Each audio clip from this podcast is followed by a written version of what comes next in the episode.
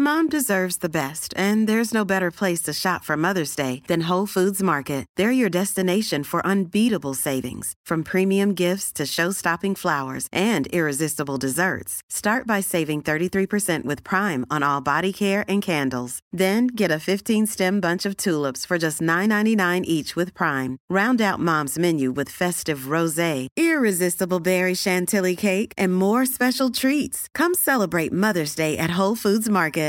Imagine the softest sheets you've ever felt. Now imagine them getting even softer over time. That's what you'll feel with Bowl and Branch's organic cotton sheets. In a recent customer survey, 96% replied that Bowl and Branch sheets get softer with every wash. Start getting your best night's sleep in these sheets that get softer and softer for years to come. Try their sheets with a 30-night guarantee. Plus, get 15% off your first order at bowlandbranch.com. Code BUTTERY. Exclusions apply. See site for details. One size fits all seemed like a good idea for clothes. Nice dress. Uh, it's a it's a t-shirt. Until you tried it on. Same goes for your healthcare. That's why United Healthcare offers a variety of flexible, budget-friendly coverage for medical, vision, dental, and more. So whether you're between jobs, coming off a parent's plan, or even missed open enrollment, you can find the plan that fits you best. Find out more about United Healthcare coverage at uh1.com. That's uh1.com. There's never been a faster or easier way to start your weight loss journey than with PlushCare. PlushCare accepts most insurance plans and gives you online access to board-certified physicians who can prescribe FDA-approved weight loss medications like Wigovi and Zepbound for those who qualify. Take charge of your health and speak with a board-certified physician about a weight loss plan that's right for you. Get started today at plushcare.com slash weight loss. That's plushcare.com slash weight loss. plushcare.com slash weight loss. I'm amazed how many people own stocks. They, they would not be able to tell you why they own it. They couldn't say in a minute or less why they own it. Actually, you really press them down and say, the reason I own this is the sucker's going up. There's enough cash in the financial system, and there is an infinite amount of cash at the Federal Reserve, an infinite amount Put of cash. that check in a money market mutual fund. Then we'll reinvest the earnings into foreign currency accounts with compounding interest, and it's gone. So they had to do something. All they had left was just to print money and start buying things. And that's what they did. Quick buck artists come and go with every bull market, but the steady players make it through the bear market. They say money can't buy happiness. Look at the fucking smile on my face.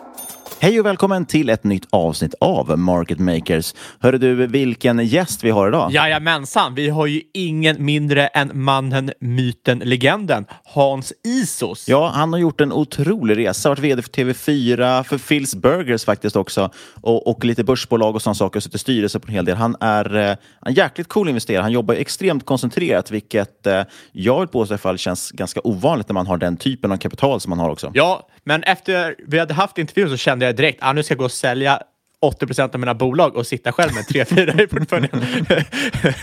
Det är farligt där. Man lyssnar på den här och sen lyssnar man på våra avsnitt med Magnus Andersson. Sen kommer man ju aldrig vilja äga mer än tre bolagen. Ja, det, är, det är den ständiga fighten man har. Ska man sitta jättekoncentrerad och känna sig jäkligt cool? Eller ska man sitta med 12 stycken och känna sig jävligt töntig? Men samtidigt Men- är det roligare att hitta case. Helt klart. Och å andra sidan, lyssnar man på hela intervjun med Hans, vilket jag utgår och hoppas från att, att ni gör, eh, så kommer ni också få höra hur det kan gå fel när man är så koncentrerad också. Eh, för det är ju faktiskt det. Ska man jobba så koncentrerat, då måste man också vara så dedikerad och påläst som både Hans och Magnus för övrigt är. Eh, man måste kunna allting i bolaget, annars kan det bli väldigt, väldigt dyrt. Och när vi ändå är inne och pratar om sådana här saker med risker och sånt så kan vi ju påminna om att det här inte är någon rådgivning eller rekommendation väl på med. Vi berättar om vår process, eller i det här fallet en gästs process och hur man tänker. Eh, men du måste alltid göra din egen analys och glöm förstås aldrig att alla investeringar är förknippade med risk. Saker kan gå upp, men det kan också gå ner.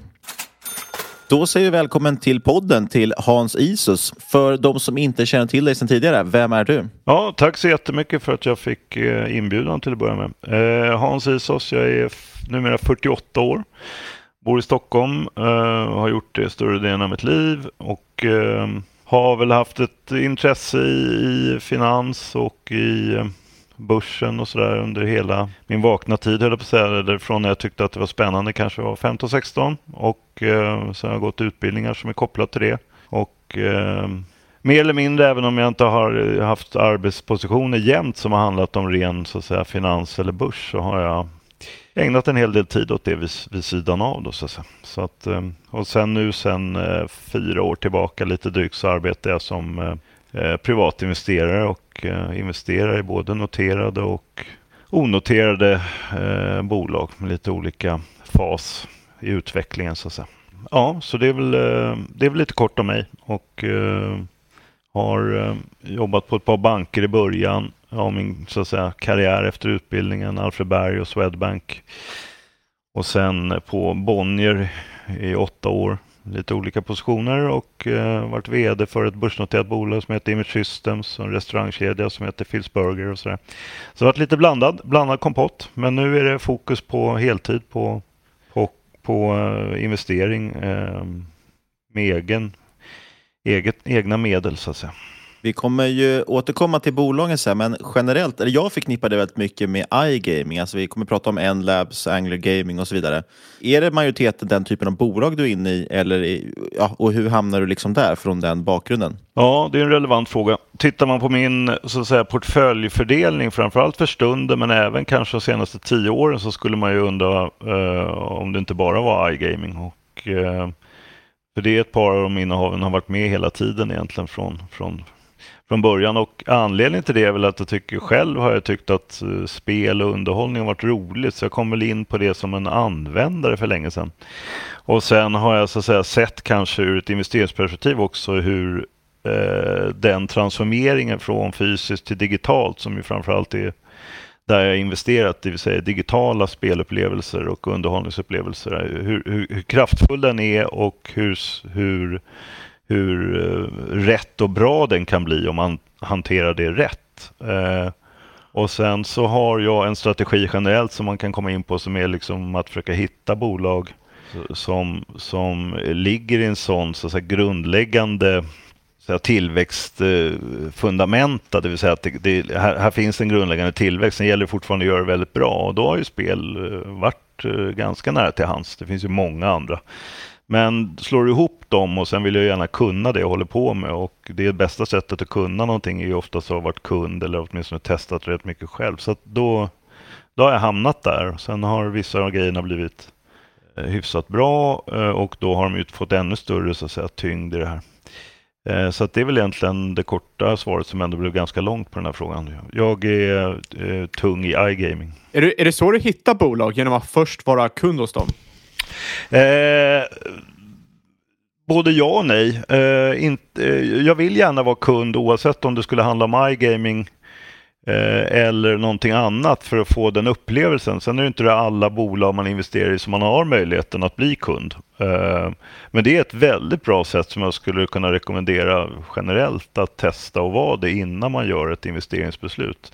Det är oftast eh, en kundupplevelse som avgör ändå i slutändan för många bolag i alla fall vilken typ av produkt och tjänst de levererar och hur den känns. Så att ehm, eh, ja, är det möjligt så, så, så, är jag gärna det, men inom till exempel läkemedel där jag också finns och, och så där så är det inte så enkelt eh, att bara hoppa in och bli en, en häst som har kvarka eller, eller vilket bolag man nu har investerat i, utan då får man gå en annan väg.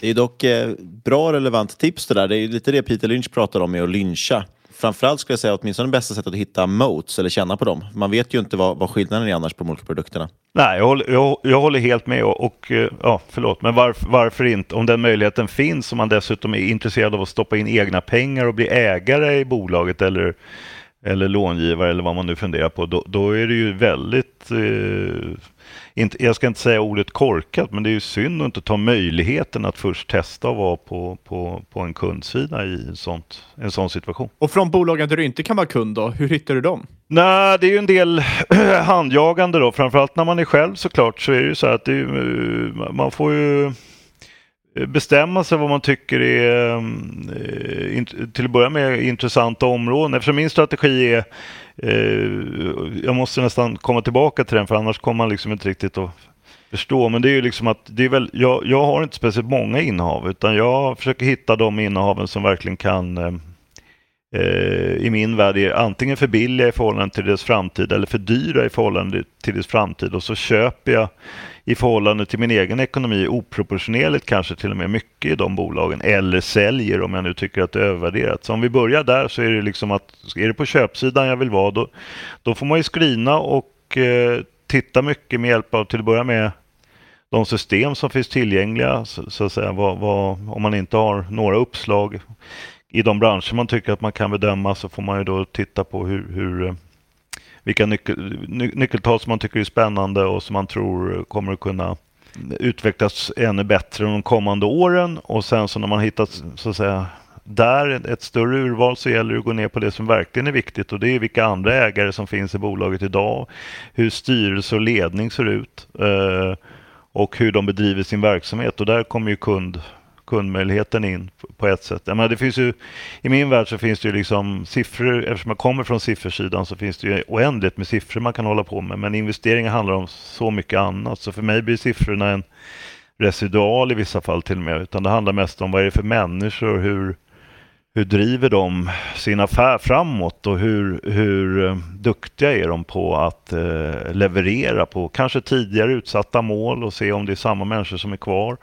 Um, och vilka ägare har de redan idag som är befintligt är med och stöttar dem och så, säga, och, och, och, så där. Så att när man gör det här jobbet då, då det låter ju och det är klart att det är lite omfattande på ett sätt men på ett annat sätt så blir det blir rätt mycket som faller bort alltså, eh, relativt snabbt. Sen eh, kan man ha tur och, och, springa på saker av en annan anledning och, och, börja gräva i det och hitta någonting. Men, men så, så ser min process ut och jag försöker träffa ledning om det går, eh, åtminstone ha kontakt innan ett investeringsbeslut och även styrelser. Eh, och det kommer man tillbaka till att jag försöker bli lite större ägare i min värld då, i de bolag jag verkligen investerar i för att, för att eh, det ska liksom spela roll eh, för mig om det blir bra eller dåligt. Det vill säga, det ska göra riktigt ont om det blir dåligt och det ska bli riktigt roligt om det går bra.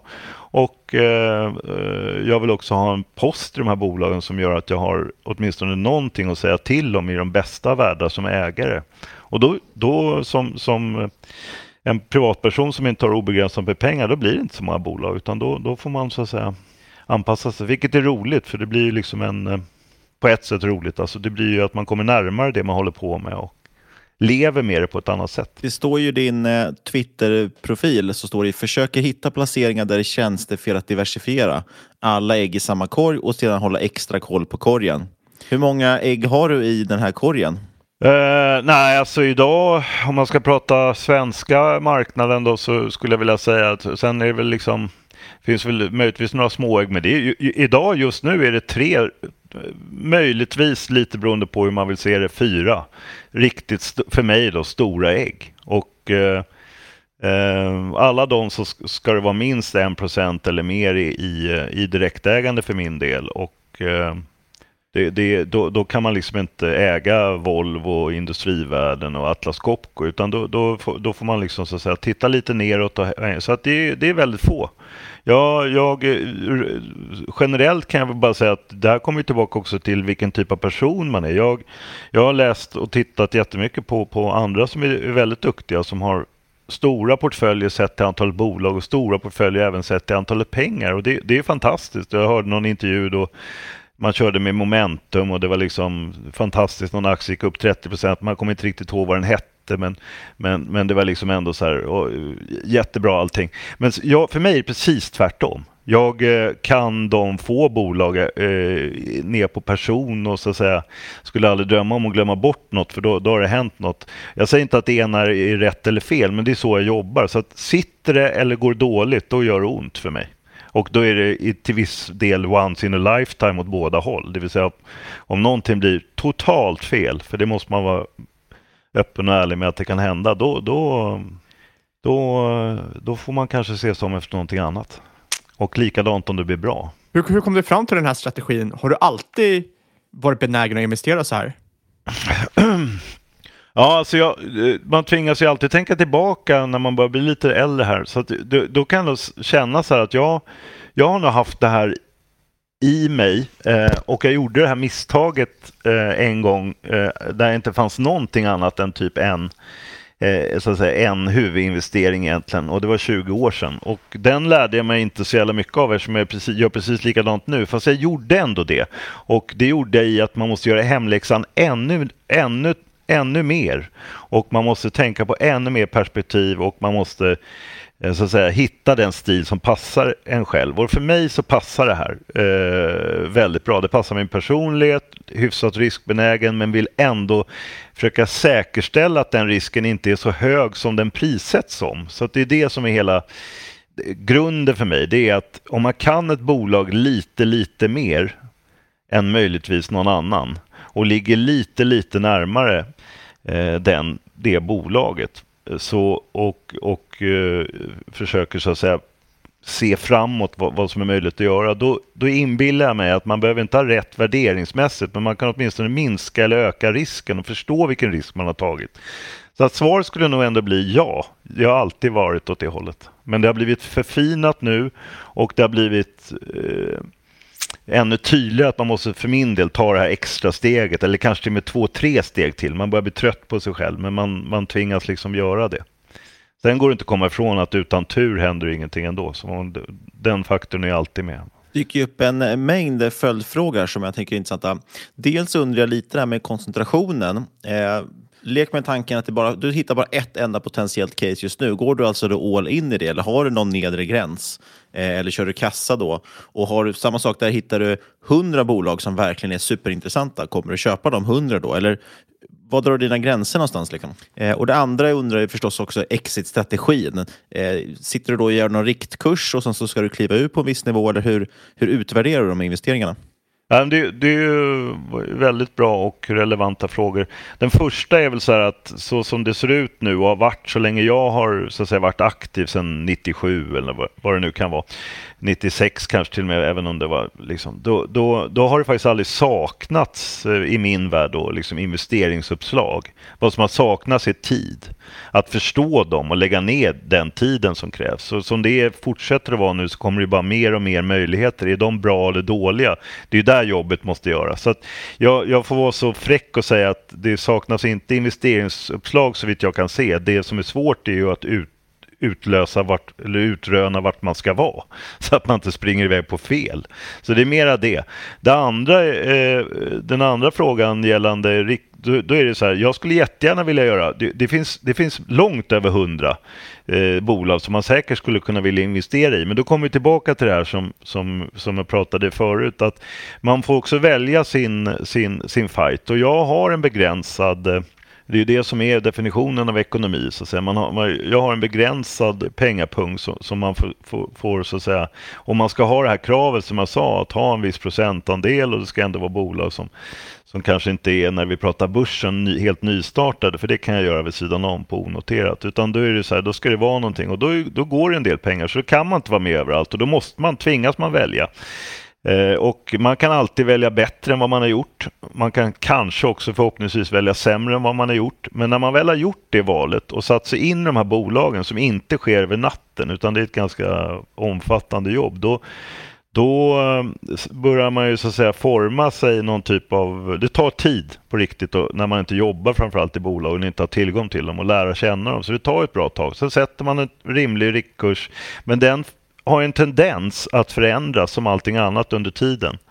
Och Eh, det är ett, eh, så den frågan är väldigt bra för det är, det är inte helt lätt. Det är inte helt lätt att skiljas från en investering. Det är inte helt lätt att, jag har personligen väldigt svårt att ta förlusten om det krävs det, utan är ganska envis. Så att det där är, det där, och det gör ju att några av de här innehaven som jag pratar om, som är de här få, det som har varit med längst har varit med i 16 år, de har aldrig delat ut några pengar och det är liksom, så att, eh, så att det här är, det, det är så att säga, men vid någon tidpunkt så är det klart att man måste ta sin mats ur skolan och bestämma sig. Och jag har nivåer eh, på de innehav jag har.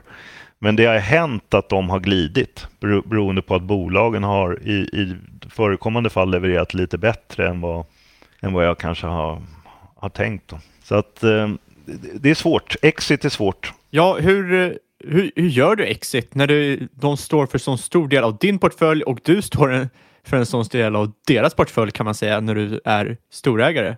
Mm. Ja, nej, om jag ska, vara- ska vara helt ärlig så jag har gjort en del exitar där den här strategin har varit precis på håret med den här procenten och, och sådär. Jag har inte hållit på med det här. Den här formades för mig kanske för tre år sedan, den här strategin. Sen har ju som allt annat, när man, framförallt när man är själv, så förfinas det ju lite långsammare än när man har mer smarta människor omkring sig. Så att jag, det har ju tagit lite tid för mig. Så att jag, kan, jag kan egentligen inte säga att jag har gjort mer än en sån här exit där det har varit en, en, en, en procent. Och då har jag haft lite tur i jämförelse med de aktier som jag kanske har det i nu. Det vill säga de aktierna har man faktiskt kunnat komma ur. För det är också en likviditetsfråga det här. Det är alltså, när du tittar på de bolagen som, som till exempel jag håller på med här, det är ju inte bara att sälja 1,5-2 procent över marknaden och tro att det är över på ett, på ett par dagar. För, för, för, för hittar du ingen blockförsäljning då, eller att de, man får så att säga, bud på hela bolaget, då, då, då är det här då kräver det här en del, en del tankegång för det blir ju till slut en dålig affär både för, för, för bolaget som får en negativ så att säga, kursutveckling och man får inte själv det pris man kanske hade sagt och så där. Så att, nej, det här är inte, och det är likadant med att komma in. Ska du komma in på en vettig nivå, de här bolagen som har ett market cap mellan 300 och 3 miljarder, då är det liksom eh, eh, lite beroende på likviditet. Och det kan ta ett tag. Och eh, eh, det kan köra kurs åt olika håll och så här. Så att man måste planera det här. Så jag, jag, min erfarenhet av att göra sådana här exitar i mindre likvida bolag, den är still to be seen. Vi får se. Jag hoppas att vissa bolag gör så bra ifrån sig så att det här blir en icke-fråga. Det vill säga att någon annan märker att det här är ett bra bolag. Det här vill vi ha. Men det kan man ju inte räkna med, utan man kan ju bara hoppas på det. Och sen så titta på sin riktkurs och sen lägga med den här likviditetsrisken i det här, för det måste man göra. Det här kanske tar ett halvår att komma ur på ett vettigt sätt. Då måste man ju börja planera för det. Det är ju som allt annat som, som tar tid i livet. Hur har den här strategin eh, funkat? Om man tittar på ja, Kagger, alltså snittårsavkastning eller något sånt. Ja. Vad är målbilden? Ja, nej alltså. Jag har ju haft eh, eh, några bedrövliga år ibland. Alltså, det, så är, det går inte att komma ifrån. Och eh, när jag tittar tillbaka så är det som är lite tur då, eller vad man ska kalla det, det är att de mest bedrövliga åren hittills då, knock on wood, har ju varit i, i eh, när jag hade andra jobb och även om jag hade den här strategin och så, så 2010 och 2001 och 2000. Det är väl liksom, nej, det är riktigt, eh, det, det är inga roliga år alltså. 2010 tror jag till och med, om jag kommer ihåg rätt i huvudet nu, så är det liksom minus 86 procent tror jag. Och den blir inte så rolig, en sån här kagg, alltså den blir inte så rolig. Men om du tittar, sen så börjar man titta på genomsnittet och, och titta på, då, då blir det inte så dåligt. Eh, Men, men det, där, den där, det där året, eh, för det var det absolut, det var ju liksom, det var ju katastrof. Men, men det året är ju, är ju, visar ju svagheten i om man inte tar det här extra steget, om man inte är beredd att, att göra saker. Skulle det hända nu, eh, när jag håller på med det här som jag gör nu, även om det är en bättre bas och så, så är det ändå så här minus 86 ett år. Det, det är Nej, då, får jag, då får jag nog hitta på något annat. Det går ju inte. Så att eh, jag har haft en, en bra utveckling och haft lite flyt i form av att de senaste nio åren har varit åt rätt håll var, varje, varje enskilt år och några år till och med riktigt bra i förhållande till, till vilka krav jag ställer på mig själv. Då. Och eh, det, det har ju, ja, det blir ju den här berömda snöbollseffekten då om man hittar rätt. Men det där är, ja, Om det är man, tufft. när, när du går back eh, 86 procent på ett år, hur Mm. kommer du tillbaka då? Inte bara ekonomiskt utan också psykiskt. För jag tänker att det måste ju påverka dig väldigt mycket psykiskt framöver i dina investeringar. Ja, eh, svaret är ja, det gör det. jag hade varit i den där situationen 2000 också där jag liksom i princip gick för över natten, det är ju att ta i då, men, men det här är väl långt före eran tid då, men, men den här dotcom-bubblan och så här. Jag gick över natten till att ha en rätt hyfsad pepp, papperspung, eh, så att säga, bara papp, det var ju inte värt det men det var ju värderat till någonting. Och sen eh, vaknade man upp så hade man i princip en skatteskuld. Så att, eh, så att det var ju liksom, det, det hade jag hyfsat färskt i minnet när det här händer eh, ändå, även om det var 8-9 år senare. Och eh, så, så, eh, och sen har jag ju liksom, jag har, är hyfsat tävlingsinriktad och så. Det, det, man kan bara välja mellan att bryta ihop då eller komma igen. Och då, och då eh, valde jag eh, rent psykiskt, vilket jag är glad för, att komma igen. För det är liksom ingen, det är ingen idé att sitta och, det, det är lätt att sitta och säga nu, men, men det är ingen idé att tycka synd om sig, utan man har gjort saker, det är ingen som har haft, eh, haft en pistol mot huvudet och sagt att du måste göra den här dåliga affären, utan det har man ju faktiskt gjort själv. Då får man ju också ha, hantera det utifrån de... Sen är det vissa nätter man inte varit överlycklig över det, men, men det är, så är det ju. Så att när jag, eh, jag, jag, rent ekonomiskt, eh, jag tror att det var jobbigare för mig rent psykiskt. Jag har jobbat och jobbade ju med andra jobb under den här tiden och så här, så att jag, jag det, det var nog jobbigare rent sådär att, att jag vet att saker och ting tar tid och nu har jag tappat igen. Jag tappade 2000-2001 i en kris som jag inte riktigt eh, uppenbarligen med efterhand förstod. Jag, jag var ingen vinnare då. Jag var ingen vinnare 2008-2009, inte beroende på att det var en fastighets och finanskris över hela världen, utan att jag låg i ett fel, ett framförallt fel bolag som jag fortfarande är ägare i och som nu har blivit bra. Och Eh, den första krisen, om man nu ska kalla det en kris, jag tycker snarare att det är otroligt sorgligt med alla liv som går till spillo för den här, eh, för, för, för, den här pandemin, så är det här första gången som jag har fått uppleva att vara liksom on the right side of the coin. Knock on wood igen. Jag hade ju hellre sett att det var rent finansiellt eh, så att säga, problemen snarare än en pandemi där folk eh, mister livet. Men, men det ändå, har ändå varit eh, liksom vattendelaren för mig. Jag, jag, eh, jag har haft tur i oturen då eftersom det har varit en pandemi som har drivit det här och gjort att den digitala utvecklingen har tjänat 6-7 år om det räcker. Så att det är väl liksom den korta storyn. Tredje krisen så har, har liksom blivit eh, ännu bättre istället för hur det varit tidigare mycket, mycket sämre för mig. Så att, eh, vad man brukar säga, third strike and you're out, fast här är det tvärtom. Third crisis and you're in.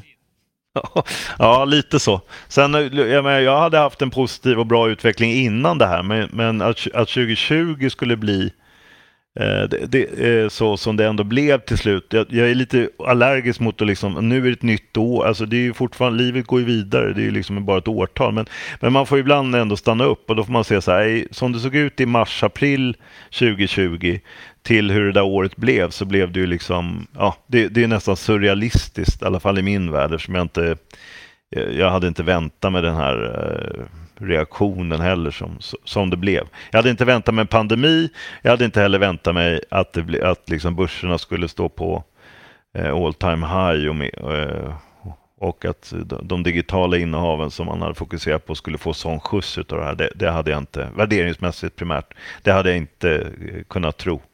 Så är det. Men visst, tredje gången gilt säger man väl. Jag tror att alla som lyssnar nu är väldigt, väldigt nyfikna på att höra om de här uh, tre, eventuellt fyra innehaven i din portfölj. Ska vi dra en uh, hisspitch för varje?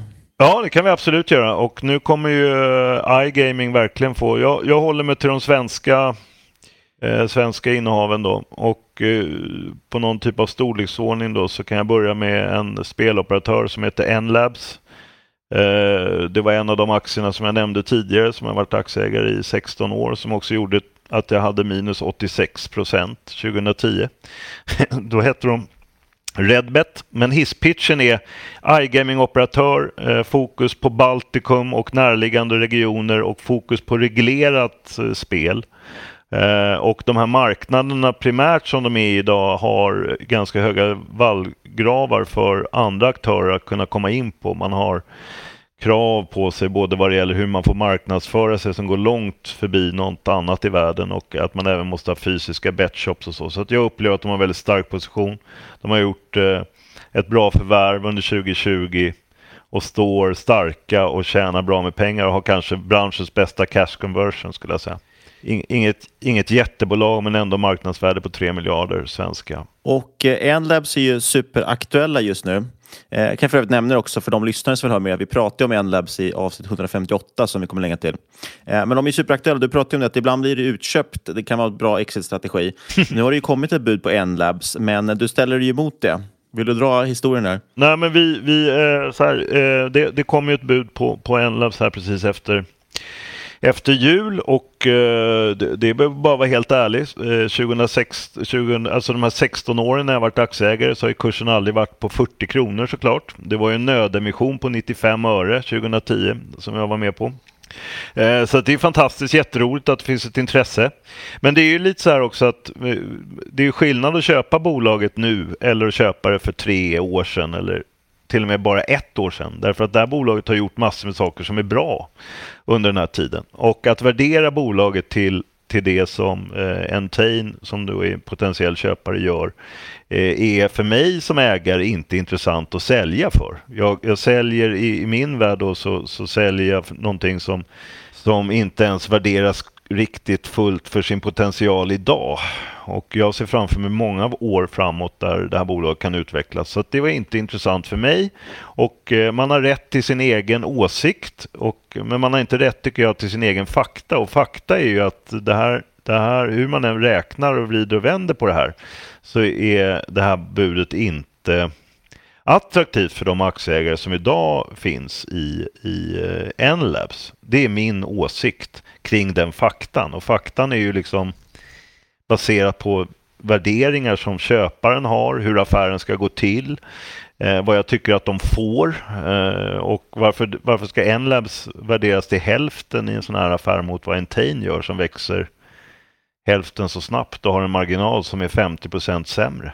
Det, det, det, det, kan, det, det kan inte jag acceptera. Det var inte speciellt svårt att få med sig andra aktieägare som har över 10% tillsammans med mig att eh, hålla med om det här. Så att jag känner och aktien handlas en ganska bra bit över aktuell budpremie. Så att det känns inte som att jag är ensam om den här synen. Men det här är min syn och den hade jag haft oavsett.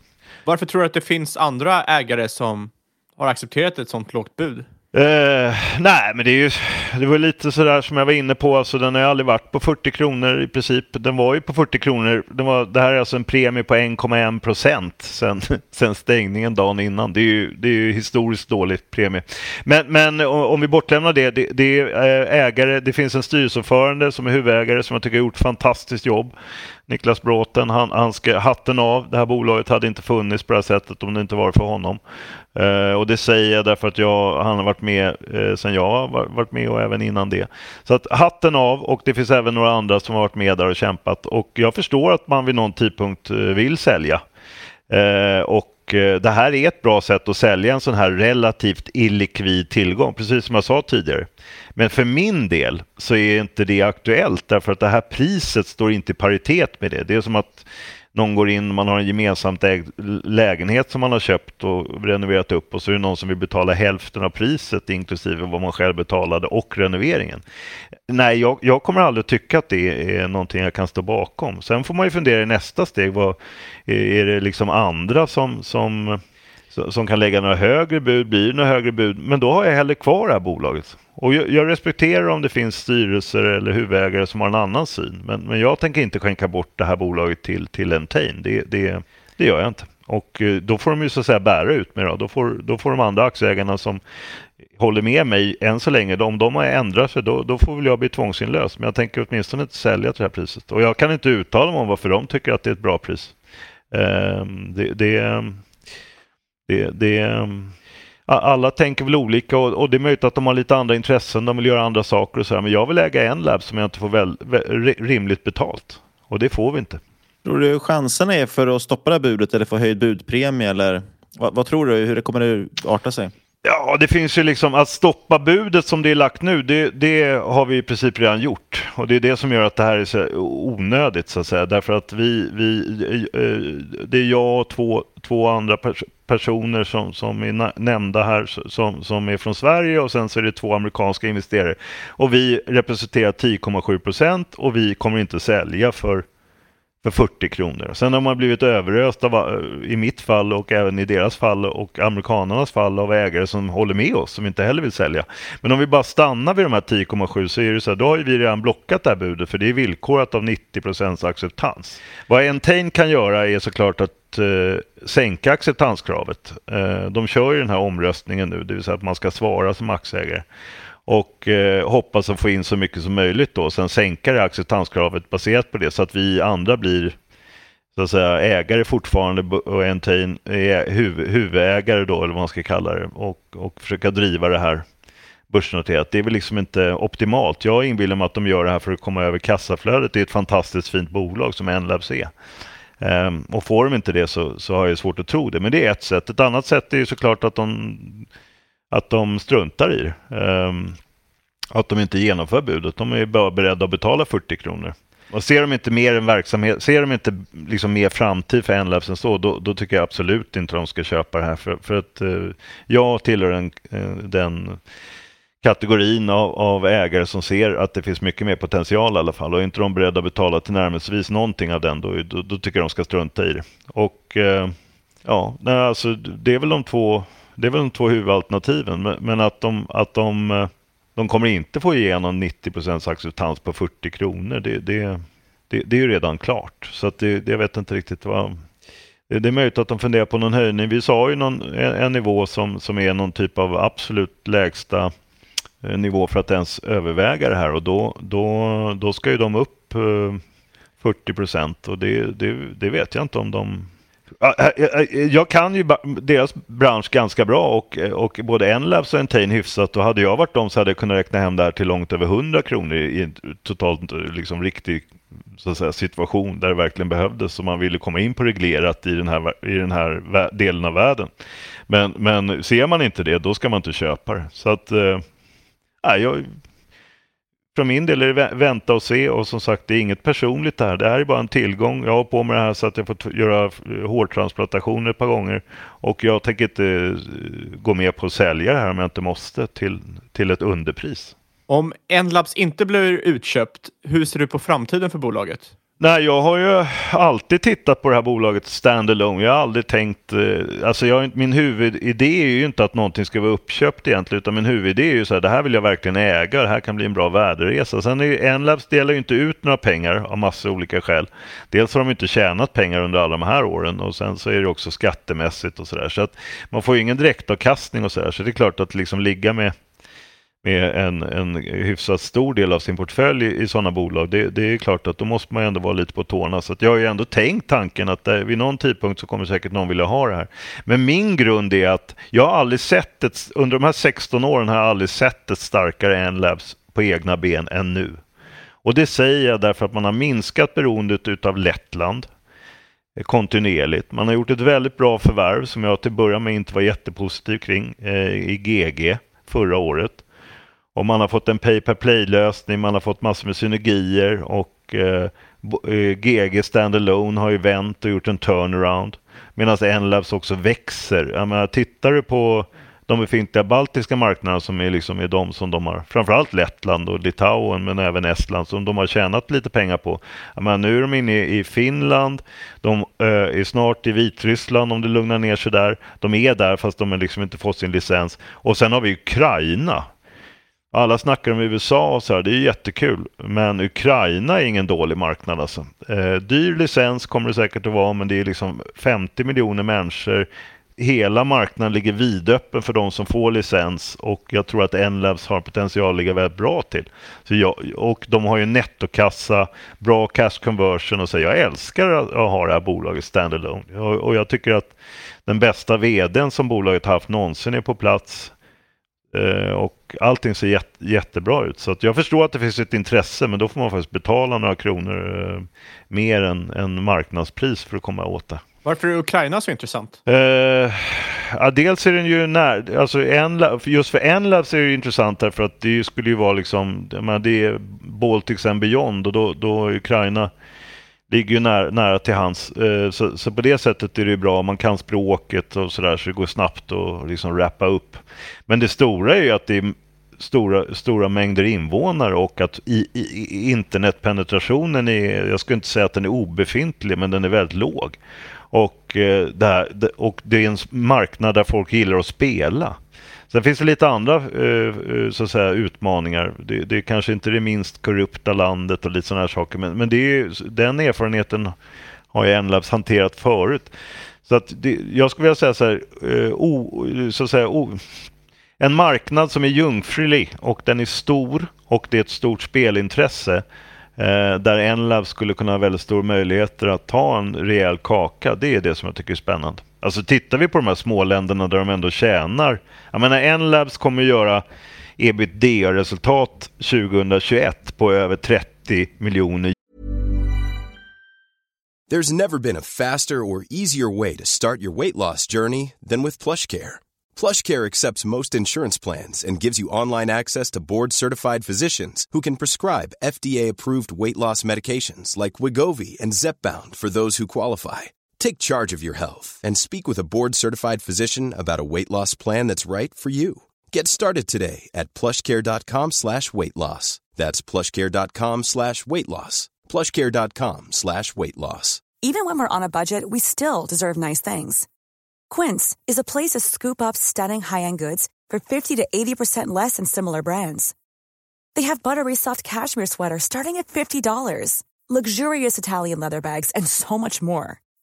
Plus, Quince only works with factories that use safe, ethical, and responsible manufacturing.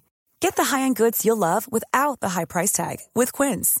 Go to quince.com slash style for free shipping and 365-day returns. There's never been a faster or easier way to start your weight loss journey than with PlushCare. PlushCare accepts most insurance plans and gives you online access to board-certified physicians who can prescribe FDA-approved weight loss medications like Wigovi and Zepbound for those who qualify. Take charge of your health and speak with a board-certified physician about a weight loss plan that's right for you. Get started today at plushcare.com slash weight loss. That's plushcare.com slash weight loss. plushcare.com slash weight loss. Hey, it's Ryan Reynolds, and I'm here with Keith, co-star of my upcoming film, If, only in theaters May 17th. Do you want to tell people the big news? All right, I'll do it. Sign up now and you'll get unlimited for $15 a month in six months of Paramount Plus Essential Plan on us. Mintmobile.com slash switch. Upfront payment of $45 equivalent to $15 per month. Unlimited over 40 gigabytes per month. Face lower speeds. Videos at 480p. Active Mint customers by 531.24 get six months of Paramount Plus Essential Plan. Auto renews after six months. Offer ends May 31st, 2024. Separate Paramount Plus registration required. Terms and conditions apply if rated PG. A lot can happen in the next three years. Like a chatbot may be your new best friend.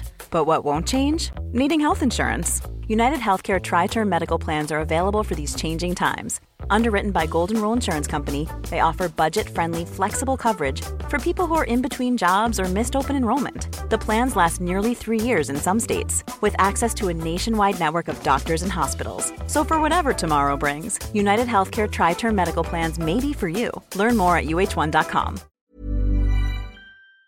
Euro.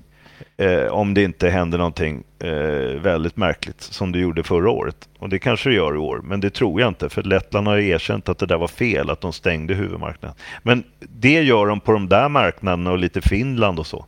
Men liksom, tittar du på Vitryssland, om det lugnar sig där, och Ukraina, då är ju det marknader som är standalone tio gånger större. Och eh, det är ingenting som säger att Enlab skulle vara mindre framgångsrika där. Så att det är det, det, är det jag tycker är spännande. Okej, men ska vi hoppa vidare till nästa bolag i portföljen? Vi kör vidare med, med iGaming då, så blir vi klara med den, höll på att säga. Det, det, tvåa är Angler, Angler Gaming. Har vi också tagit upp i avsnitt 158. Just det. Hisspitchen där är, är inverterat Enlabs, fast inom samma bransch. Eh, en, eh, Enlabs, som jag sa, då fanns ju på fåtal marknader och stor marknadsandel och fokus på reglerat. Eh, Angler Eh, finns på eh, en mängd olika marknader. Europa, eh, inklusive Norden, eh, Latinamerika, Asien och är, är relativt små eh, så att säga per, eh, per land i marknadsandel. Eh, och det är inte fokus primärt på reglerat, även om de har visat i Norden, till exempel i Sverige via Pronto Live och Pronto Casino, att de klarar av det alldeles utmärkt. Eh, så, så jobbar de sig fram och de är lite unika. Eh, de knoppades av från Betsson 2012 och har eh, fokuserat lite på länder som kanske ingen annan till att börja med varit jätteintresserad av och eh, gjort det framgångsrikt. Eh, de har högst marginal utav alla operatörer jag lyckas hitta i alla fall. Och nu pratar vi inte om underleverantörer utan rena iGaming-leverantörer. Eh, de Eh, har en smidig, liten, effektiv organisation. Jag har aldrig varit med om ett, ett iGaming-företag som är så fokuserat på ebit per anställd utan att tappa så att säga, företagskulturen. De har en return on investment som är unik och de delar ut pengar eh, mellan 50 som sämst upp till nästan 100 procent av vinsten för att de inte behöver det. Eh, och agerar väldigt eh, smidigt och duktigt med marknadsföringen. För det är ändå så att vid sidan av att ha en bra spelupplevelse så måste du också berätta att du finns och det kostar en del pengar om man gör det fel och, och, du får lite sämre verkan. Det kan kosta lite mindre och du kan få en ännu bättre verkan om du gör rätt och där är min bild att Angler är väldigt duktiga. Så att eh, rent operativt är det liksom lite av motsatsen till det förra caset.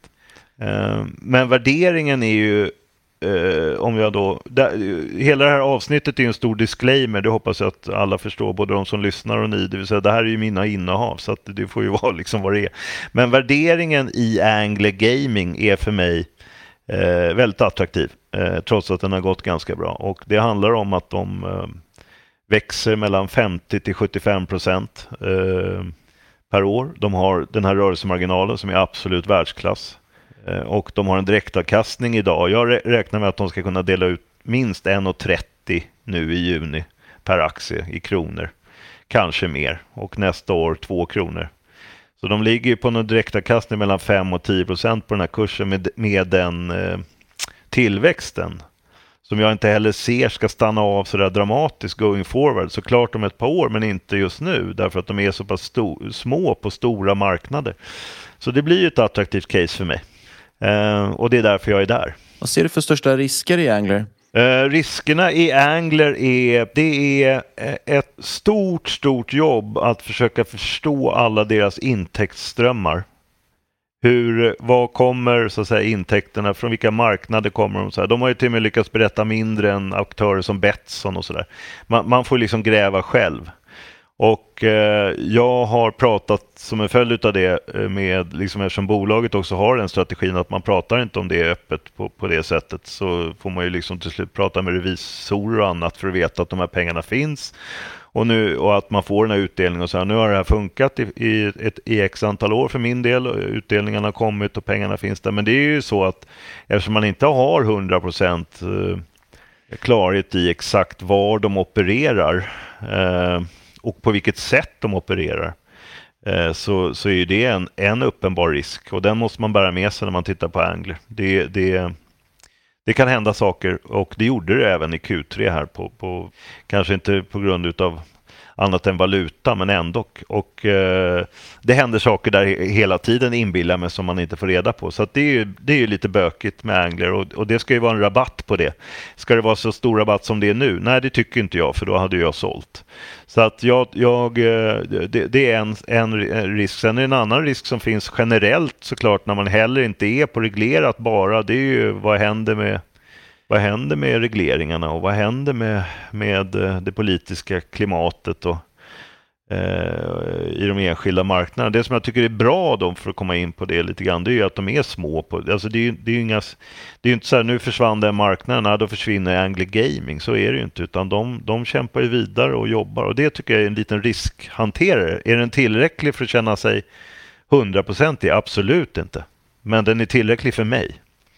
Och eh, av det jag vet och det som jag har följt, den tiden jag har följt det här bolaget.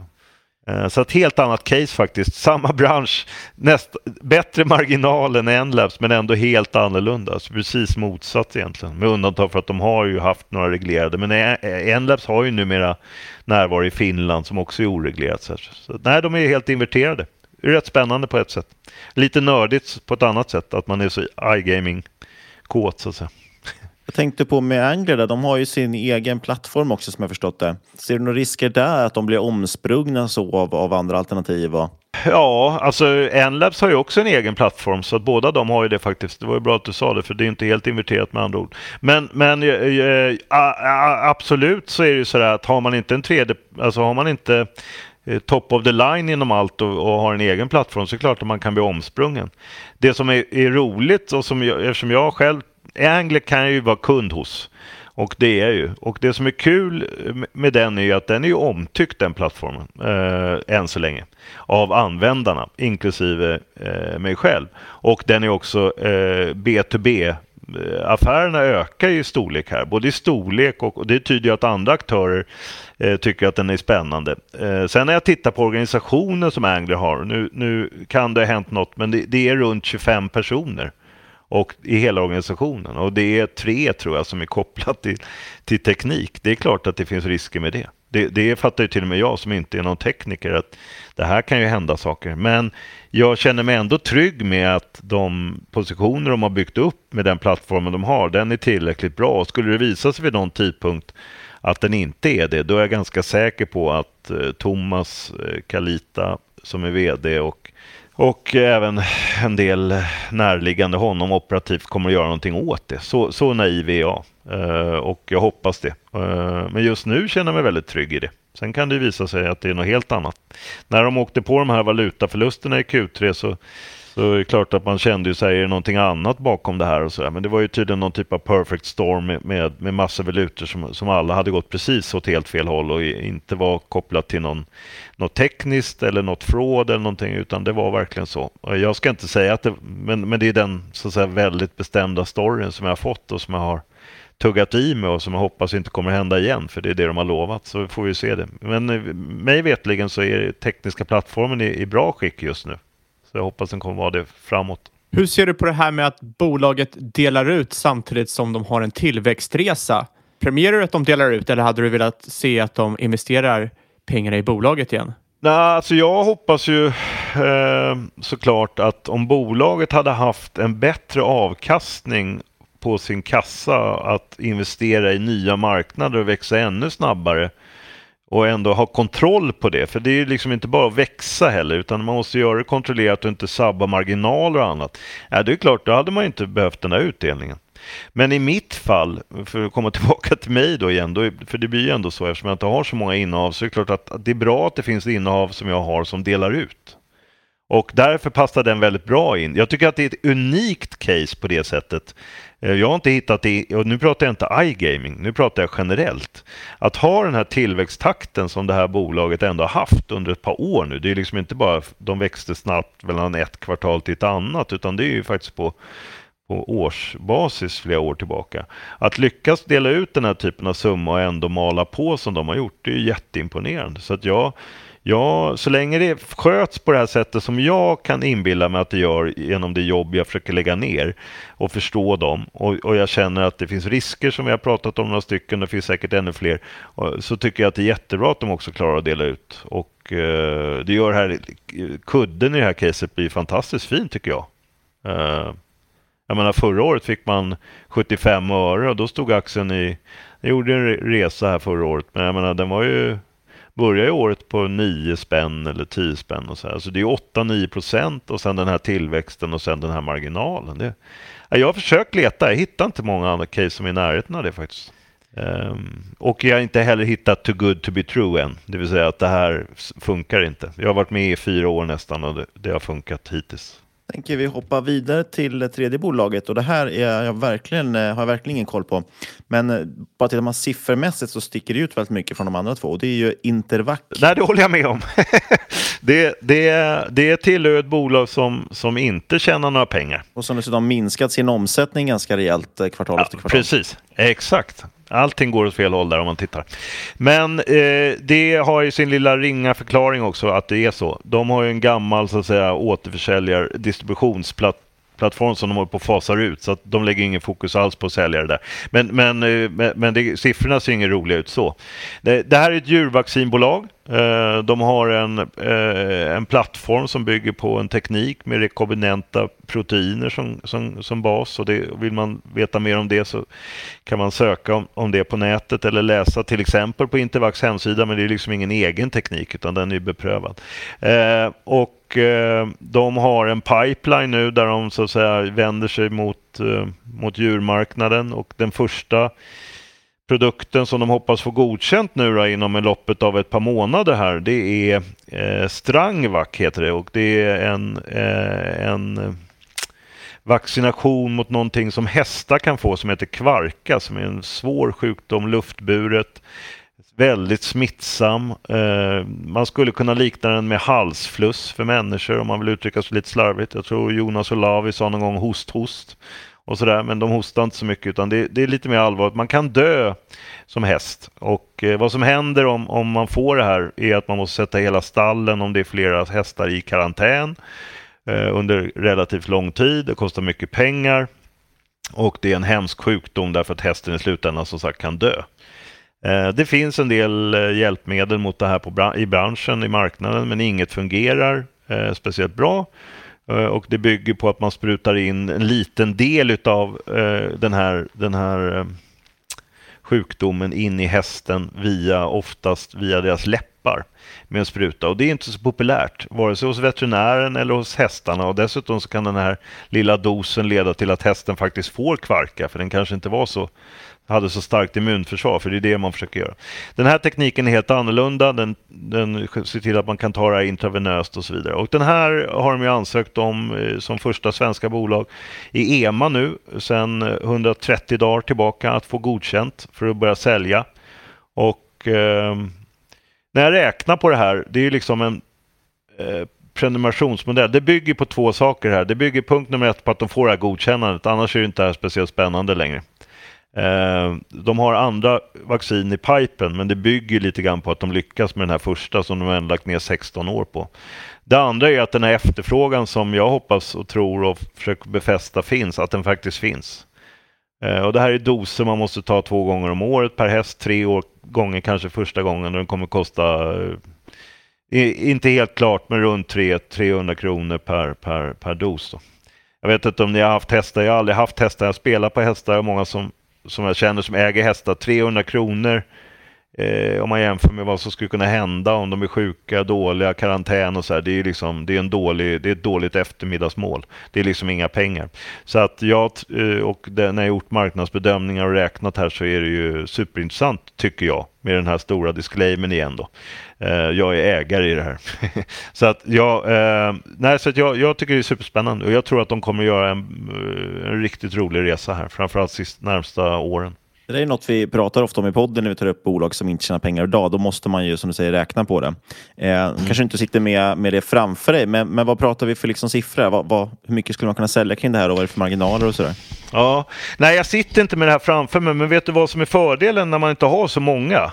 Det är att man liksom, att man så att säga, låter ju jävligt tråkigt det här, men att man snöar in lite grann. Så jag behöver inte så jävla mycket eh, stöd och skit framför mig och jag vet vad mina bolag heter och så här. Så att vad som händer här är att det är inte det är inte helt lätt att, eh, att eh, eh såklart ge en, eftersom bolaget inte själva gör det. Men om vi tittar på totalmarknaden av hästar så finns det liksom lite drygt 60 miljoner hästar och vad, vad man har sagt här och, och vad jag känner själv är rimligt är att eh, 50 procent av dem har någon typ av så att säga, eh, vaccinationskontakt. Och då är vi på 30 och sen så säger vi att man når 20-25 procent utav dem eh, Eh, den mängden hästar eh, över tid i, i, i, för att, så att säga, vaccineras mot det här. Så då hamnar man någonstans runt 10 miljoner hästar eh, totalt. Eh, och då sänker jag det här och säger så här, men vi når inte, man når inte ens det, man når bara 5 miljoner hästar inom plutta bara då. Sen är det ju så här att det är, eh, det är tre doser om året första året. Och sen är det två doser om året Eh, följande år för att få det som kallas fullskydd enligt den ansökan de har lämnat in. Och bruttomarginalen, eh, nu är det så att de ska ju sälja själva i Norden och i Baltikum. Och eh, eh, eh, och har en egen organisation för det som heter Nordvac. Och sen så ska de sälja med en distributör, någon av de stora som de håller på att förhandla med eh, nu Eh, i övriga Europa. Och bruttomarginalen på det här är 90 procent lite drygt på en sån här eh, eh, dos som det heter. Och det gör ju att de stora kostnaderna här är distributionsersättningen och eh, sån apotekarersättning och sen så egen organisation. Och den egna organisationen behöver inte bli nödvändigtvis speciellt mycket större än vad den är nu.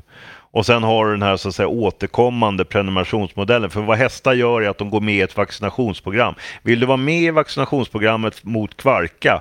Ja eller nej? Nej, jag vill bara vara med i det här programmet av någon anledning. Jaha, du vill alltså riskera att få på kvarka. Ja, min bild är ju att det är väldigt många som antingen är man med i ett vaccinationsprogram och då kommer man ta det här och då blir det återkommande intäkter rullande hela tiden. Eller så är man inte med och då tar man den här risken. Och de jag pratar med i Norden i alla fall, Sverige och så här, där, dels så står man ju bara och hoppar och väntar på det här men det är också så att försäkringsbolag och annat kommer ju inte vilja försäkra hästar som inte har tagit en spruta för några hundralappar som kan göra att ett helt stall slås ut hästar dör och så. Så att vi får ju se om det kommer vara något eh, globalt återkommande, men i Sverige lutar det ju åt det. Så jag känner ju en viss trygghet i de här pengarna då, givet det här som jag säger nu. Och jag ser också det som en prenumerationsmodell i princip. Och sen kommer de ju efter det med gris som är ju en st ännu större marknad och med samma teknik fast det är en annan typ av, det är istället för att de ska ta antibiotika. Och det är ju en miljard, alltså det finns ju långt över en miljard grisar. Och den ska förhoppningsvis komma 2025 och sen har vi kor 2026, 2027. Nej, jag, jag, eh, jag har fastnat för den här. Eh, det finns säkert annat som skulle kunna vara minst lika spännande men för egen del så känner jag att eh, blir det bara hälften så bra som jag tror och så vet ju vilka som är med här som också tror det så, så känner jag mig känner mig väldigt trygg i, i den investeringen just nu. Sen kan det ju hända saker och det är alltid obehagligt med bolag som inte tjänar pengar. Men vad man måste göra då tror jag är att eh, respektera tiden. Det vill säga försöka hitta saker som för varje sekund som går gör saker som för ett case bättre. Antingen med högre marginal, tjäna med ännu mer pengar för varje sekund eller göra andra saker som är rätt. Och så länge man gör det då känner jag mig trygg även med bolag som inte tjänar pengar. Och så känner jag mig inte vack. antar, vad, vad bedömer man risken här till att inte blir godkänt vaccinet? Finns den risken? Ja, oh ja, det gör den ju. De har ju passerat de här 120 dagarnas kontrollen nu och svarat på de frågorna på ett sätt som de själva känner är kom, de komfortabla med. Andreas eh, Andersson som är VD har ju varit i två år nu tror jag. Och han eh, eh känner sig trygg med att det ska komma ett godkännande under Q2.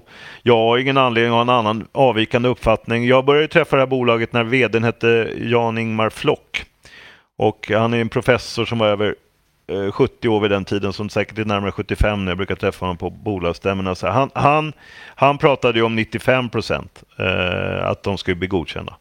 Eh, jag har lagt in 80 procent i min modell för att känna mig lite, lite trygg. Men eftersom det inte finns någonting annat idag som funkar, eftersom jag har sett den här 950-sidiga dossiern eh, så att säga fladdra in där till EMA och de har svarat på de här frågorna på ett tillfredsställande sätt när det är bara några dagar kvar. Och nu, några dagar, det är två månader kvar. Det, det, det är, jag, bedömer att den är över, egentligen om jag skulle få, så är den över 90 procent. Och titta historiskt på de som har ansökt, det är också intressant. Det är 90 som har ansökt och kommit så här långt och då är det en som inte har blivit godkänd och den drog tillbaka sin ansökan. Så att sannolikhetsmässigt så talar även det för att det är en hög sannolikhet. Kan det ändå bli nej? Absolut.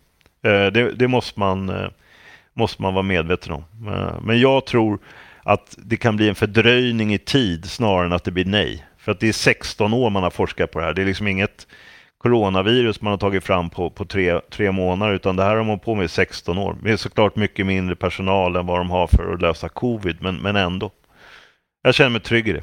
Vilket var det här fjärde bolaget som du eh, hintade om? Nej, alltså det har blivit en... en eh, ja, jag försöker jobba med en... Uh, vis av erfarenhet och försöker ändå jobba med en viss typ av, av kassa. Och det handlar lite om att försöka vara beredd att fylla på eh, såklart. Men också försöka göra lite annorlunda affärer som inte bara är den här eh, 16 års Enlabs-affären eller Intervax som jag inte kommer att släppa före 2025 om det inte börjar brinna.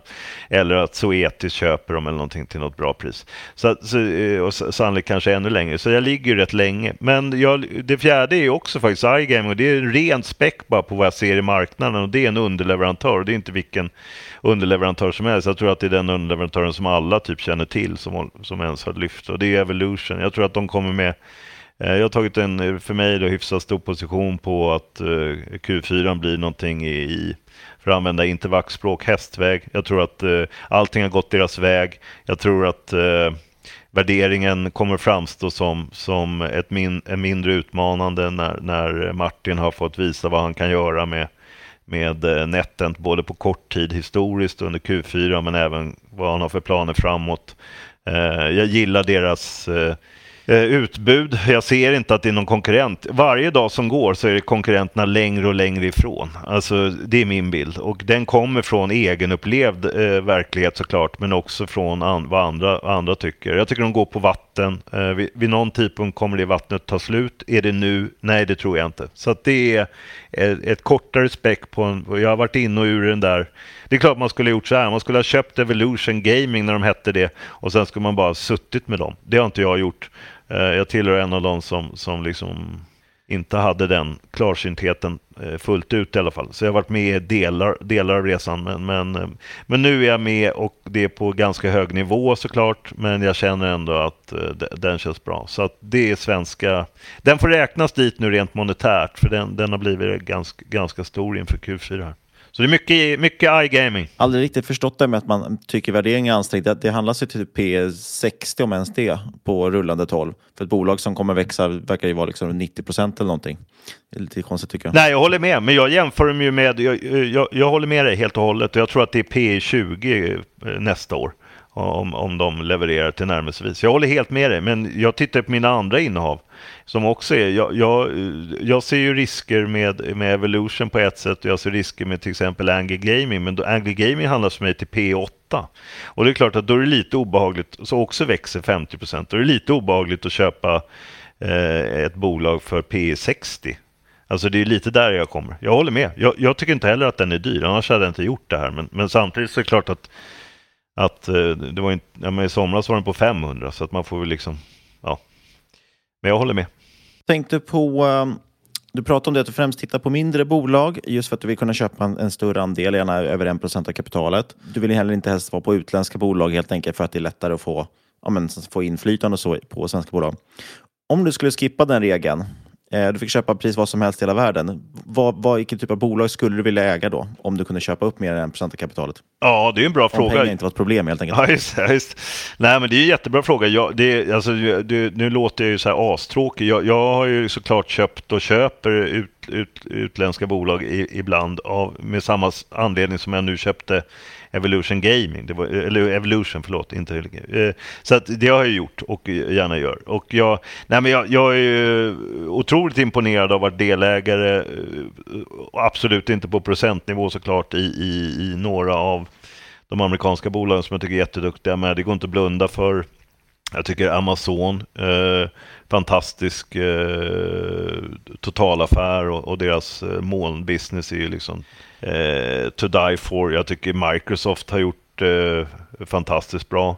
Eh, Alphabet, eller gamla Google, hade man ju gärna velat eh, va, va, ha varit med på eh, också, så att säga. Så att det finns ju många av de här stora, såklart. Sen, sen eh, jag menar, det är ju alltid lätt att backtrada liksom, men, men, men jag hade nog ändå tyckt att de där var, var rätt spännande. Jag har varit eh, jag tyckte att Alibaba har gjort det väldigt bra tidigare och varit med där en del. Um, lite sådär eh, mini-Amazon fast på en mycket större marknad ändå om de hade lyckats. Lite svårare att få information, lite obehagligt, alltså det, det är ju vad det är. Um, men, men uh, nej, det skulle vara någon av dem då. Eh, då hade man ju sovit gott om natten för jag tror att det kommer fortsätta att vara, vara väldigt eh, eh, framgångsrikt. Några av de här gör ju verkligen, verkligen bra. Och det handlar rätt mycket om management, det går inte att komma ifrån. Alltså en bra, bra management kan ju göra, kan ju göra underverk verkligen. Um, lika väl som motsatsen. Så, att, så att det, är, det är bara hatten av till dem. Väldigt bra gjort. Vi tar lite Twitterfrågor kanske? Ja, det rullade in rätt många sådana här Twitterfrågor. Och ja. eh, en fråga är från at stockmarket AI. Hur förhåller du dig till ESG-trenden och hur har den färgat din investerarsyn och synen på dina bolag? ja, det är ytterst relevant. Nej, som ni märkt då, eller som ni förstått när jag berättat om vad jag gör för investeringar just nu, så har jag struntat i den helt och hållet. Eh, jag märkte att den kom 2018, alltså nu pratar jag ju om eh, primärt och mot det, det, motströms mot det jag investerade i, det vill säga iGaming. Det tas ju inte emot bra där. Det blir svartlistat. Jag valde att eh, hålla i och jag såg en del köpmöjligheter som en följd av det. Jag trodde att det skulle lätta. Jag trodde också att intresset skulle kunna öka i och med att USA vid någon tidpunkt skulle börja släppa det här. Um, och lite så har det blivit kan jag tycka. Um, så att jag, nej alltså jag, jag Så länge det inte handlar om saker som är helt, så att säga, att man begår Eh, så, såklart och självklart, men jag menar brottsliga so alltså, saker som jag verkligen inte kan stå bakom, då, då är inte jag där. Men för mig är spel underhållning. Sen vet jag att det finns en en viss procent som, som går överstyr med det här. Men det gör det faktiskt inom många andra branscher också. Man, det finns många som handlar för mycket kläder, det finns många som, som dricker för mycket alkohol eller vad det nu kan vara. Så det, är liksom, det, det, är jättetråkigt och det måste tas om hand. Men, men för egen del har det här inte spelat speciellt stor roll. Jag har däremot med viss förtjusning och skräckblandad förtjusning för att jag inte riktigt förstår sett värderingar på bolag som kallas ESG, alltså Renew, Cell och andra liksom, som omsätter knappt som en korvkiosk i, i i Soliden och så har en värdering på 8 miljarder. Alltså för mig kommer det tillbaka lite grann till eh, 2001, 2000-bubblan. Eh, eh Sen om det är rätt eller fel, det är säkert fel.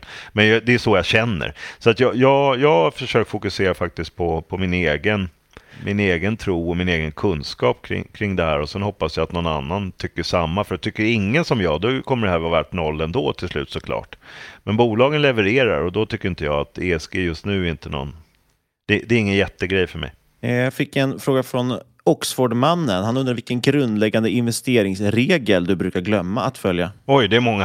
Eh, nej, men primärt så handlar det om att jag, har, jag är envis och eh, lite småtjurig. Jag är dålig på att eh, cut your losses, eh, det vill säga samma sak som att säga att nej, det här blev fel. Har, det, här blev ing, det här blev inte alls som vi hade sagt i mitt lilla huvud till mig själv. Så där har du ju en. Eh, en annan är väl egentligen att jag ska ge fan och hålla på med, eh, jag ska inte svära kanske, men man ska strunta i att hålla på med saker som jag inte tycker att jag är jag behärskar fullt ut. Jag tycker att det är lite kul, så jag gör ju vissa grejer som inte är Eh, så att säga, går det bra eller dåligt så är det inte det avgörande för min portfölj, men för att hålla igång liksom lite tankar och lite sätt och så. Det kan handla om optioner, det kan handla om så att säga, hävstångsprodukter. Jag var in och ur i någon typ av bitcoin eh, som, för, för flera år sedan som, som inte blev någonting att skriva hem om. Eh, så att eh, det är väl sådana grejer. Stick to, to what you think that you know. Och det är, så, det är inte så mycket. Ju äldre man blir, ju mer märker man hur lite man kan. Så då blir det inte så mycket, men det är kanske inte så kul. Och det är det som blir problemet då för mig. Och då försöker jag sprida det ibland. Och det, jag, det ska jag strunta i. Så det är väl de två grejerna. Sen hade vi från Twitters självutnämnde börjarexpert, aktieentreprenören, en tidigare poddgäst också. Han undrade över dina topp tre burgare. Ganska relevant fråga med tanke på din vd-roll hos eh, Phil's Burgers. Ja, nej men jag, eh, det vore ju trist att inte säga att jag tycker Phil's Burger håller en hög klass. Sen så är konkurrensen hård, så att det får man ju... Det sägs här, topp tre konkurrenter. Ja, precis. Nej, men jag tycker, eh, jag tycker eh, Bastards gör det bra. och jag tycker att jag tycker att eh, det gamla, om man får säga så, Flippin Burger eh, en gång i tiden eh, tyckte jag höll. Eh, jag tycker deras kvalitet numera möjligtvis har, har börjat svaja lite och jag vet inte riktigt om det handlar om nyhetens behag där för flera år sedan. Men jag var ju där en del eftersom jag, det handlar ju om att veta vad, jag, vad dina konkurrenter gör när man håller på själv. Men, de, men de, det, det, känns fel att inte, jag, jag tycker de, de, de är där. Um, och sen så tycker jag att eh, rätt hanterat så tycker jag att de fanns inte när jag eh, var vd, men brödernas på Östermalmstorg tycker jag också håller, håller eh, bra Det är ju den eh, aktieentreprenören håller högst vad jag förstått i Stockholm. Jaha, okej. Okay. Ja, jag, har ingen, jag har ingen riktig, du, du får be om ursäkt, jag, jag, tror att jag vet vem det är, men jag, jag, har ingen koll på hans favoriter. Men, men den är, de, de är bra. Jag är ju sån här som äter väldigt mycket mycket när jag väl äter. Så att jag, för mig är det viktigt att man kan bygga på de här hamburgarna. De här puckarna måste vara stora. Eh, så här, de behöver inte vara stora, men man måste kunna göra hamburgaren så att det får plats med mycket kött. Och där tycker jag bröden, där kan man liksom lassa på så man får en 500-600 grammar utan att det blir allt för kladdigt. Det låter som att ni skulle trivas i varandras sällskap. ja. På tal om att äta mycket. Den överlägset mest populära frågan, det var ju hur mycket du bänkar. ja, Ja, det kanske det var ja. Eh, nej, men jag, jag, så här, jag, till att börja med så kan jag bara rekommendera alla som har möjligheten att träna oavsett vad det är för någonting, tycker jag är, är superbra. Jag har ju fastnat, jag, man har ju inte obegränsat med träningstid och, och sen är man också gammal, så jag har ju fastnat för, för styrketräning sen, sen eh, hyfsat lång tid tillbaka. Och eh, då blir man ju hyfsad på, på de där grejerna som man håller på med oavsett om man har talang eller inte. Jag var ju spinkig som, som få här för, för 25 år sedan jag är fortfarande inte speciellt eh, otroligt stark jämfört med den tidigare. Men en bra dag i bänken eh, så är det väl i alla fall 150, möjligtvis med lite rövlyft. Och då är det så här att eh, som 48-åring, jag tränar nästan alltid själv. Jag gillar det, tycker det är, liksom, det är lite meditativt. Då är det inte alltid superkul att ligga och maxa i, i framförallt faktiskt bänken. För att om det händer någonting, om det helt plötsligt bara fan, nu liksom klingar det till här och inte vakt tappar tillståndet eller vad fan, och så ligger man där med en jävla... Då, då, då kan man bokstavligen dö. Va? Så, att, så att det blir inte, det blir inte så många, så många maxningar. Va? Men, eh, men, eh, men 150 är, känner jag mig hyfsat trygg även om, även om jag hoppas att inte Intervax ska tappa sitt tillstånd. Så det är väl där. Kör du med stopp då också antar jag i botten? Nej, alltså det, då är det lite för, det, Jag skulle säga så här, ren tävlingsstopp och, eh, och att, att allting ska vara... Det, det, det är tveksamt. Alltså, alltså, jag, jag tror kanske jag skulle klara det, men det är inte så jag kör den. Så det är därför jag kan känna mig lite kaxig när jag säger jag, jag, jag respekterar de som tävlar. Att någon jävel ska sitta och glo på både rumpa och stopp och fans moster, då åker jag säkert dit på något skit. Men, men jag, ligger, jag ligger där i alla fall. Jag har varit, jag har varit bättre, men, men, men, men, så jag känner mig hyfsat stabil där. Det är väl så jag får säga. Vi ska ta sista frågan som vi ställer till alla. Eh, men jag kan också först bara rekommendera, apropå börjare, så ska du också kika in Flott om du har vägen förbi Linköping. Ja. Eh, men det vi ställer till alla våra gäster är ju bästa respektive sämsta investering du har gjort och framförallt vad har du lärt dig av dem? Eh, oj, det var bra. Eh, jag antar att det bara är så att säga, värdepapper och liknande nu så att det inte blir dålig stämning här hemma. Jag tycker väldigt mycket om min familj. Så det, så att, men om vi tittar på, på eh, aktier så är det väl det jag tycker är absolut roligast faktiskt, eh, som jag inte pratat om så mycket, det var att jag gjorde en tidig investering i ett bolag som heter S4K Research, ett informationsbolag, som har eh, överlevt eh, med framgång under 20 år. Och eh, tjänar... sitter du kvar i styrelsen fortfarande va? Ja, just det. Jag är ägare och är styrelseordförande. Så det är jätteroligt att få ha äran att få vara med om det och det är hög marginal och så här. Och det har, det har varit liksom en en, eh, äh, det, är, det är en rolig 20-årsperiod att få följa. Jag arbetade lite mer också aktivt för 16-17 år sedan. Så det, det, det, det, har procentuellt sett rent investeringsmässigt varit jättebra för mig men också varit väldigt kul. Så jag skulle ta den då. Uh, och förlåt, nu blev jag så... Den andra var uh, sämsta va? Sämsta, jag skulle vilja säga... Det är en tuff konkurrens här. Nej men sämsta är... Jag gör ju, vet du, är, man går inte på vatten här. Eh, jag är besviken. Eh, det, det, som jag tycker är absolut sämst som har gjort det är nog Catena Media. Eh, rent ekonomiskt är jag inte helt hundra faktiskt på att det är den absolut sämsta, men det, det, blev inget bra. Och det var, inte, det var ganska tidigt i den här perioden när jag började köra helt själv. Och jag gjorde inte, jag tog inte de där först, jag tog inte de sista stegen. Jag tittade på vad de höll på med. Jag eh, gjorde för svagt försök att liksom gräva mig in i management.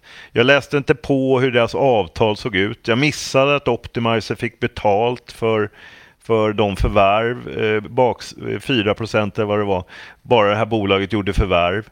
Och jag trodde liksom på, på hela, hela upplägget på ett sätt som var... Eh, nej, det där skulle jag ha hittat. Och det, det, eh, nej, det är för dåligt. Så att då får jag skylla mig själv och sen så får jag skämmas och sen så får jag se till att det inte händer igen. Det var inget bra. Då säger vi stort tack för att du gästade podden. Superintressant att höra. Ett stort tack för att jag fick komma. En ära att få vara här. Det var grymt kul att ha dig. Tack ska ni ha. Grymt rolig intervju. Eh, vi kan väl dra en lite kort här innehållsförteckning, för vi pratade ju väldigt specifikt om tre stycken, eller till och med fyra stycken bolag. Enlabs, Angler och eh, Indivac och Evolution. Eh, och jag äger ju i alla fall både Enlabs och eh, Evolution. Och Enlabs äger ju lite grann just nu för att, jag ägde det innan också i och för sig, men jag äger det nu också just för att jag hoppas och tror att, att Hans med mera ska, eller med flera, ska kunna stoppa det här eh, dåliga budet helt enkelt. Ja, men det var som jag sa i första avsnittet av året, ett av mina bett på iGaming-marknaden är Evo, så är det faktiskt bara Evo som jag äger. Eh, och som sagt, är man intresserad av Endlabs eller Angler, kolla in avsnitt 158. Jag lägger en länk till det i avsnittsbeskrivningen. Evolution har vi också pratat om. Det får man eh, söka sig fram, eh, söka fram de, de avsnitten. Eh, Intervac kommer vi inte prata om. kanske får bli ett framtida avsnitt, men det känns som att det är långt, långt utanför vår comfort zone. Även om jag blir väldigt sugen för att eh, den här servettskissen som Hans presenterar eh, låter ganska attraktiv med tanke på att bolaget är värt det till typ 2,5 miljarder eller något idag. Men det, har inte med det, idag, det är inte det vi ska prata om idag. Däremot vill vi påminna om att det här ska inte ses som någon form av rådgivning. Alla åsikterna som presenteras är våra egna eller vår gäst och eventuella sponsorer tar inget ansvar för det som sägs i podden. Tänk alltid på att alla investeringar är förknippade med risk och sker under eget ansvar. Du kan alltså inte ringa Hans sen och klaga på att den här servettskissen inte stämde, utan du har en skyldighet att själv göra en servettskiss eller förhoppningsvis lite mer. Kontakta oss gärna på podcast@marketmakers.se men inte om ni har råkat göra en dålig servettskiss. Eller på Twitter, at marketmakerspod, om ni har gjort en bra servettskiss. Lämna gärna en recension på iTunes. Det gör så att vi boostar i rankningen. Ja, gör jättegärna det. Vi har ju blivit väldigt många fler lyssnare såg vi här när vi jämförde eh, siffrorna från, från, från ett år sedan. Eh, så att jag tror att det är många som inte har varit inne och recenserat och det betyder faktiskt väldigt mycket för, för podden. Så att, eh. Sen, apropå kontakta oss. Eh, jag ser att det är ganska många som skriver via vårt kontaktformulär på hemsidan marketmakers.se. Det går alldeles utmärkt, men se till att ni stavar er mejladress rätt, för jag har fått eh, flera mejl här när jag försöker svara. För vi försöker gå igenom och svara på allting. När jag svarar så studsar det tillbaka så att folk har stavat fel på sin egen mejladress. Eh, så har ni inte fått något svar av mig, det kan vara därför som ni inte har hört någonting. Men med det sagt så vill vi såklart tacka både för att du kontaktar oss men också för att du har lyssnat. Och när hörs vi igen Fabian? Om en vecka.